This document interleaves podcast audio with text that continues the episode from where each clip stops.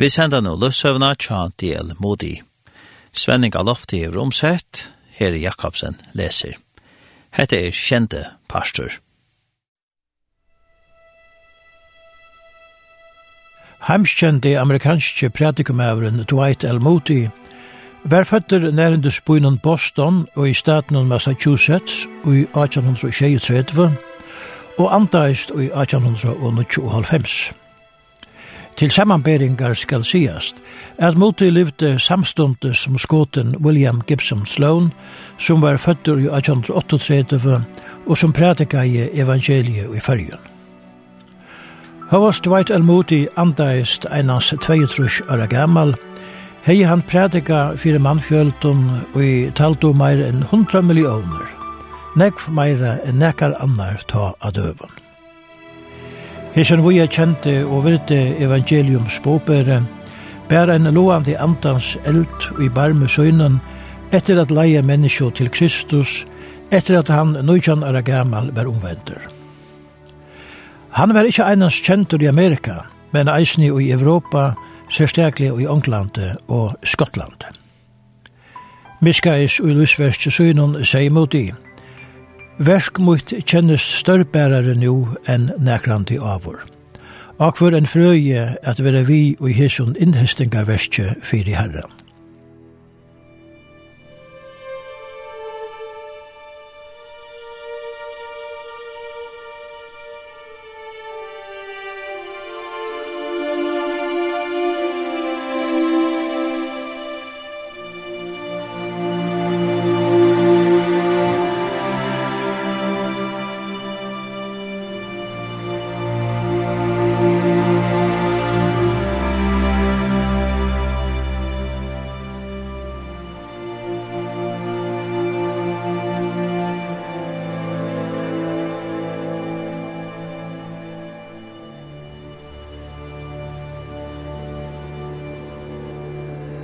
Og i personen framan undan var greit fra at DL Moti kjente kattel at djevast vi daglige yrkje så innom, og nøyta atla søgna tui tog i evangeliskon verskje. Han var trolova vår vi en kjente, og i hei samme kall at nøyta atla søgna tog at virka fyrir herran, og i trygg av herran eina, og lyta av han at utvea taimon daglet brei. Del mot i helt av i arbeidene mellom bøten og ungfolk, og miste ikkje det om han ikkje alltid sa at han avvøkst som han hei vågna. er Noah, som levde i troblom og øndom tøyon, gjørtest honom en tøtningar mykjel firemynd, at vera avhaldande og i verste søgnen. kjente pastor. Amerikanska borgaraksutje 1800 og 1831 til 1835. Frielige verskje og imot i velferden under og i Chicago var brottlige stekka av tog og honalige borgaraksrunnen mellom norr og soverstatene og i Amerika, som snuer seg om at djeva litt og trælen om frelse. Flere av drøntjennom kjem i for i krutsk. Somleis mennesker av vinen hans herre. Han fekk eisne sjolver nekvar avheitaner om at færu i bardia fyrir til govo sætjene. Han hei samhova vitt heimon som vildo at litt og trælner skulle få fralse, men han helst ikkje kunne strujast fyrir hese sæk vi vopna mei. Ongan til løyve møynum hei er vi gåvare samvisk og kunna tidsja enn bisho i hånd og skåti et anna menneska til deis. Men moti var kostne virkjen og i hisson krukstøyum. Han tok seg saman vi øron at kunngjere evangeliet mittlen hermennar. Hese finge høve, godt høve til hetta, tog sånn han fyrir Chicago var ein hermannaleva, Her nekver hermen boleikaust. Og hese hermanna bo var bygt eit firebils fundarhøle her møte kontovera. til. Og i byrjan var einar 12.000 mans her og i lenga tui. Moti og teir prenta og eina sangbók vi amerikanska flagjonon av permene.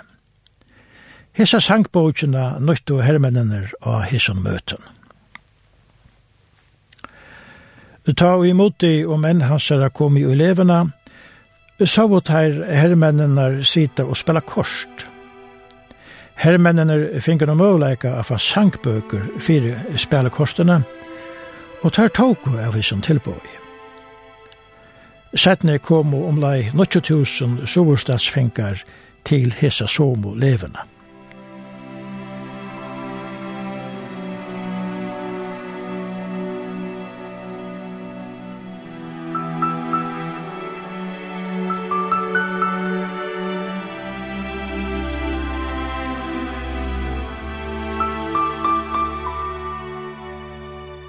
At han har et bønamøte sier imot det vi en av samverskamånen synen som et håli.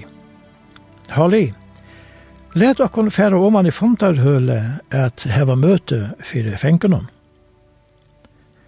Taitar kom i oman, sier han, Håli, her har vi et pass som er galtant fyrir at ein prætikumæver kan sleppa inn. Takk tuta. Hvordan skal du så komme inn mot det? onkusvegna, sier Moti. Holly slapp inn, men Moti var stekka over av vaktaremannen som rørte stekka. Er Moti leieren for kristelige fellesskapen for ungar menn? Er det ikke ui hver tiden er det? Tiden kunne ikke komme inn. Og i sommerløte kom ein herive med over her, og måtte vente seg til hans herre. Leie han til høvusvaktarmannen, sier her i vemæren. Måtte være så letter inn i hermannalevene, saman vi en hermann. Høvusvaktarmæren sier, Jeg tror, jeg tror at du nå erst her og komin og hissen ørendun, så kunne tiden være det Men uh, om tiden ikkje er i færen ur leven i arren klokka natt og i kvöld, må tiden være her i natt. Så får det om atla levena og bjåa og fengen hon av møte. Ta i fundar hullet var fullt, sier i vi holli, nu måst du tale. Han får at ombera seg og sier at han var ikke med over. Men to komst inn vi en passe fyrir prædikumenn. Det gjør jeg ikke. Så måtte jeg hål i tale. Og god sikna i det som han sier. Antigods kom vi veldig her i meg iver mennenar. Nekver kommer fram fyrir jeg djeva seg iver til god. Gjørst du bran av og menn gråte. God er her. Teska imot i til vinsøyne. Knapplega kom teir at hos om klokkene som nu var tatt og i åtta. Der måtte kvikka seg av sted, tog annars høyde det her være nøtter at vere her for nottena. Hese møte hilde fram i flere viker, og mennesker hermen var frelster. Eisene her i mennene som stod og fyrir vaktarskipan fekna av oss om hese møte. og med satøyna skriva imot til mamma sønna.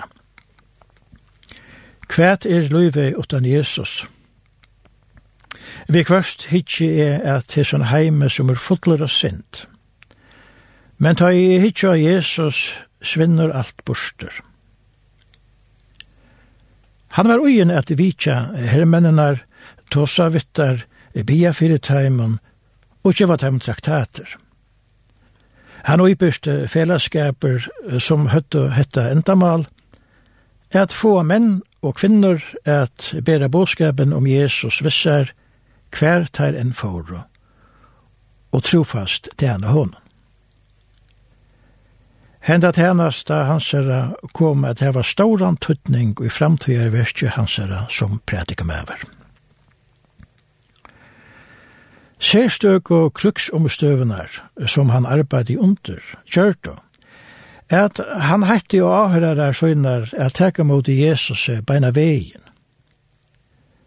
Ta han tog seg vi herremennene som var dødkjante, at teir som kjøtt skulle flytast erastene, vær områdant jo honom at få at her teka en antallige eukjer beina vegin og slukon føre verta nu etla ongantøy.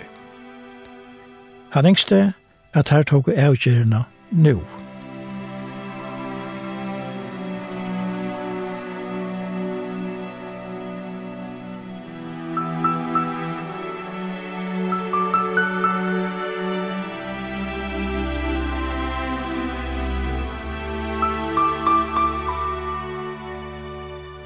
Versk og i hermannalevene kom at eikjenne alt virksom i hansara etter hetta. Han var ofta mittlen hermennenar ute av vivøtlen, særstekliga mittlen tar skjert etter en bardia.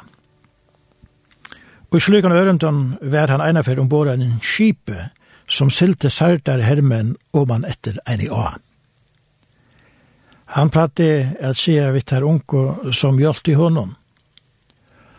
Ongen særter hermavur madotja og i nott, utan at vi hava bor i hunden båskapen om Kristus og himmelen. Vanligt er at folk i litja fyrir deianon råpa til vattnet. Medan tar ginko mittlen sart og hermennenar og gav og vatten, tala og tar vittar om løfsens vatten, så vid öll kunne drekka. Moti kom til en vekran ungan mann, og tala i vi han om Jesus, men fikk han ikke svær. Så får han til laknan og spurte han, halda tiden er at disse mævren kommer fyrir seg? Nei.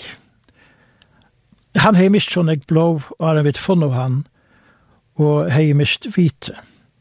Beini hans er det vært utla færre at vi var nødder til å teka det. Kan jeg få vita hvordan han eiter? Ja Jeg heldig det være spett at han døyr utan at vi vita hvor han er. Heldig tiden at jeg kan få han å se meg det, spurte mot dem. Djeva nesten dra vune, så kvaklast han vi. Moti sette seg ved levo hans herra, og gav honom evo av sindra vatten.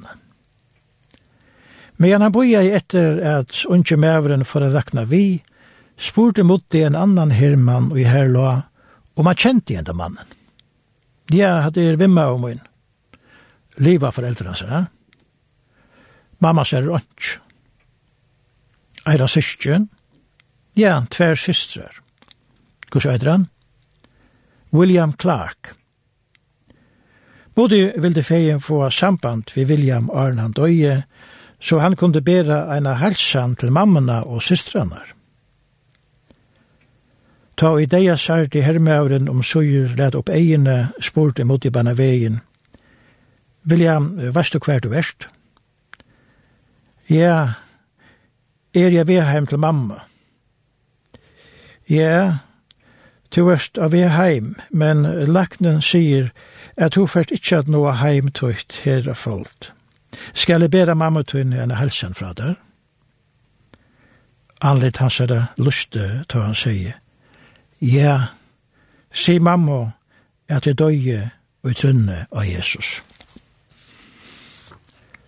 At du kom til Chicago for mot i Banavien at du vitsa mammana og terboar systranar.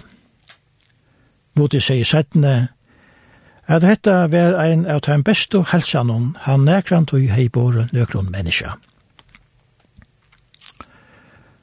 Ta i han skulle færa kom yngsta systrin og best var en liten smakjenta, og gav mot i peningen som hon og systeren hadde sparst saman, og bo han kjeipa en bøybelio til onkran Herman.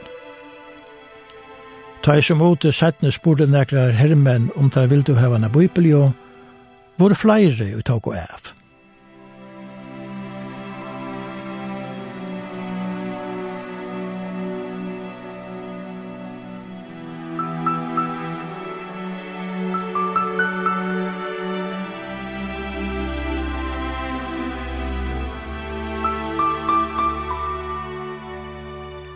Etter en annan parti i borgaraksjonen tjekk mot i trolige av sjukrehusen og vitsjai.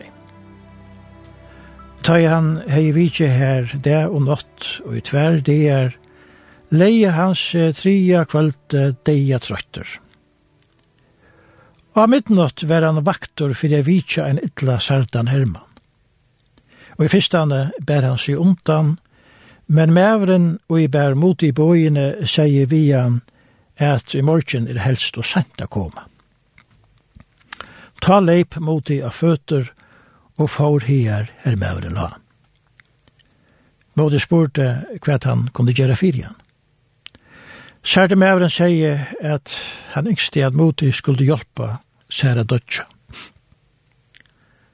Modi sier at om han kunde, så er han tidsjan i fauningen og bor i han inne i Guds røyke mot moti kunngjørte hunden evangeliet om Jesus. Jesus kan ikkje frelsa meg, jeg har synda alt mitt liv, sier ta sjuts. Moti les fyrir honom eit lyfte fire og anna etter. Han ber fyrir honom, men ontsje tyktest at hjelpa. Moti sier så unga mannen hon, at han skulle lese om en fund som Jesus hei vi en mann, som var sturen fyrir svinn i avgjelagne.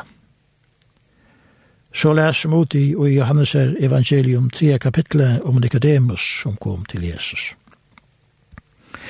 Hinn sjukje lusta er vel etter med en motilæs hisse kjente årene. Ans og Moses lytte opp ormen og i øyemørkjene, så skal menneskesjoneren være litter opp, for at hvert han som tror skal hava evet loiv og i hånden.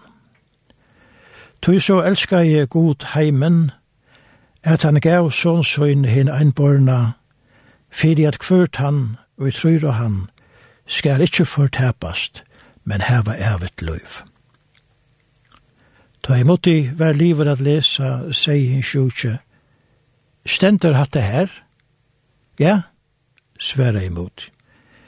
Jeg har jo omkant til vite at hans i årene stand til bøyblene. Jeg leser det ene fra træet. Ta i hermauren hei hårst årene enn ene fyr, sier han. Hatt det var godt. Men kan du lese det ene fyr enn? Ta i han hei hårst hese sikna av år fyrir tre og fyr la han blundande vi en frifylton bråse. Vi veikur rødt syne teska i han. Ans og Moses hongte opp ormen og i øyemørkene. Såleis skal menneskjasåneren vera littur opp, fyri et hver tann og trur av han skal ikkje fortapast men heva evigt løyv. Så let han opp egen og seie, Nu er no mig, les ikkje meir. Ta imot i tullja morgenen etter at lei ser at vitje han ver ånkjen mevor i sanjene. Han var flottur ur hisen luiv inn i avenleikan. Medan han endur tok årene han har hørt lysen fyrir seg om nottena, sier en sjugrarøktar. Ein lakna lesand sier fra at etter ein av dem hører bardøvnen kom på til Chicago etter laknon og sjukrarøktaren. Nekver kjolbåtner bo seg til hjelpa, særlig ur fellesskapen fyrir ungar menn.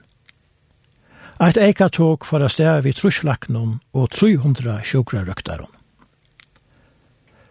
Tøy dei høyde kost om lei en tøyma hetta kvölde, kom onker og be han koma av bønamøt som uti som var i fremra parsten tåkjennom. Ta vær han ikkje tryggvante og får de ikkje av møt. Men til hei størst åren og han at moti nytte høve er sauna folk saman til bøn, samstundes som folk bare sauna saman til spel og i atterra parsten av tåkjennom. Dagen etter fåret hei ombord og etter feraskip som sildi av Ohio ånd. Eisen i her ombord bei moti til bønamøte. Så var det helt i en kroutje og i høtlene. Her så rundt med evren for det helt ikke til dette bønamøte. Men han var nøyest et spærlig ombord helt opp hæt, og ønsken årekva i teg som bov. Dagen etter kom de fram til stegi her hundratals sarter hermen lov ombord av Storundskipen. Her skilt og hjelper folkene seg somtor for at arbeid i imsestegn.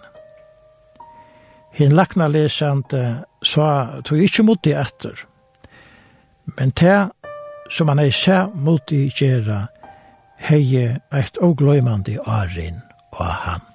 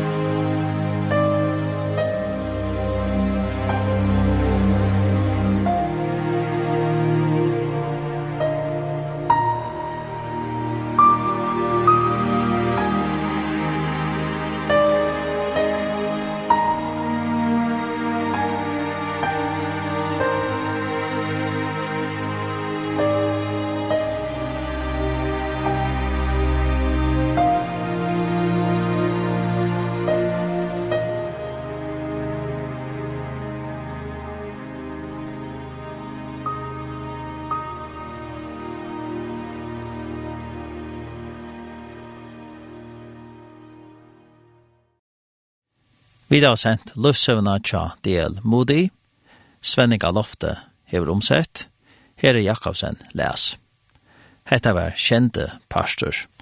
Hesen pastor og ære pastor kun høyrast av heimasynet linden.få.